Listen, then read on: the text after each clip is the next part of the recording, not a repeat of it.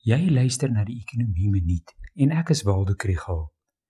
Die resultate van die kwartaallikse arbeidsmagopname van die eerste kwartaal van 2021 is gister bekend gemaak.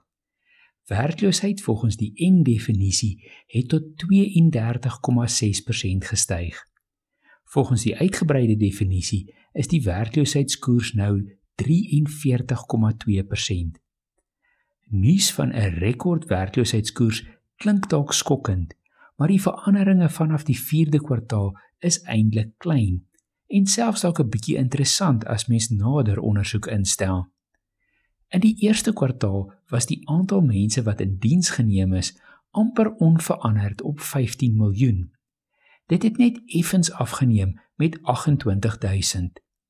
Die aantal werklose mense was ook amper onveranderd op 7,2 miljoen. Die aantal werklose mense het toegeneem met 8000. Dit raak meer interessant wanneer mens sien dat die indiensname in die formele sektor toegeneem het met 79000. Die netto werksverliese was die gevolg van werksverliese in die informele sektor, private huishoudings en die landbou.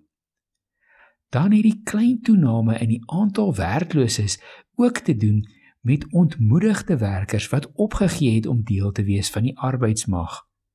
Daar is 164000 mense wat nie meer tel as ekonomies aktief nie. Ongelukkig gee die QLFS nie vir ons genoeg leidrade om dit alles te kan verklaar nie.